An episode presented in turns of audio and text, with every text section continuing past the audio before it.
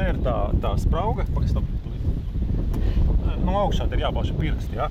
Tāda vieta viņš laikam turās uz tā siltinājuma. Pirkstī iet. Un es biju tas tika, tika arī atklāts.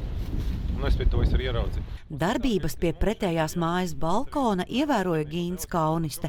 Viņš caur savu dzīvokļa logu redzēja vīrieti, kurš slēpnī liek maisiņu. Gīns to filmēja, paralēli zvanot 112. Ar kājām pat vidējā solī būs kaut kāds 5 minūtes līdz iesirktim.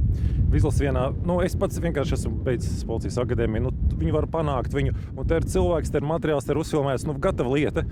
Un, un, un tas, kā operatori ar mani runāja, nu, tik ļoti tā pasīvi, kaut kā skeptiski. Tad Gins sakliedz uz operatori pats un zvanīja pašvaldības policijai.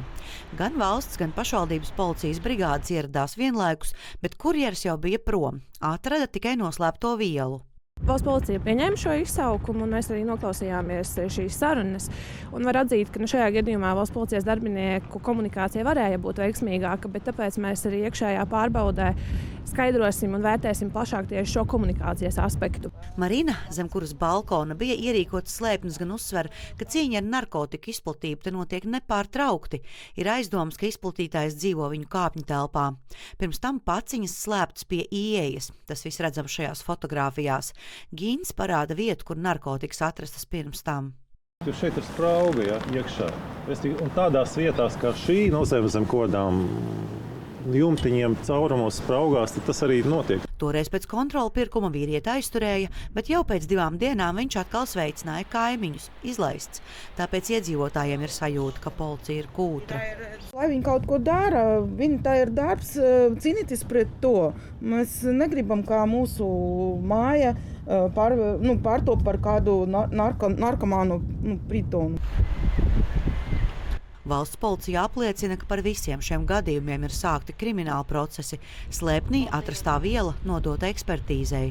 Uz pašu informāciju tika reaģēts nekavējoties, jo principā desmit minūšu laikā valsts policijas kolēģi jau ieradās konkrētajā notikuma vietā. Tur arī tika konstatēts iespējams narkotikas vielas. Tās ir izņemtas, šobrīd ir nozīmēta ekspertīze. Un krimināla procesā arī turpinās izmeklēšana. Mēs arī skaidrojam iespējamo iesaistīto personu. Nu, bet noķert viņu neizdevās. Strādājam krimināla procesā, turpinās izmeklēšana. Pērn par narkotiku un psihotropo vielu tirgošanu deviņos mēnešos policija uzsāka 345 procesus, bet gandrīz uz pusi vairāk par pirkšanu un glabāšanu. Narkotika apkarošanas nodaļas vadītājs jau agrāk LTV izteicies, ka šobrīd šie noziegumi kļuvuši vēl grūtāk pierādāmi, jo izplatītāji, kurjeri un pircēji vairs nesatiekas, visu ievieto slēpņos narkotikas fiziski kaut kur tiek noliktas, piegādātas. Ja? Pārsvarā jau tas tiek izmantots caur slēpņiem, e, notiek šī piegādāšana, kas arī e, tādā ziņā, kad nav no rokas rokā nodošana, kas arī uh, nu, sarežģīja šo darbu. Un tieši tāpēc arī iedzīvotāji dusmojas, ka policija neieradās dažu minūšu laikā un neizmantoja iespēju aizturēt saimnieku atnesēju uz karstām pēdām. Pie tam viņš pārvietojas ar kruķiem, tā tad nav ātrākais gājējs. Aikīns Ivans Milovs, Latvijas televīzija.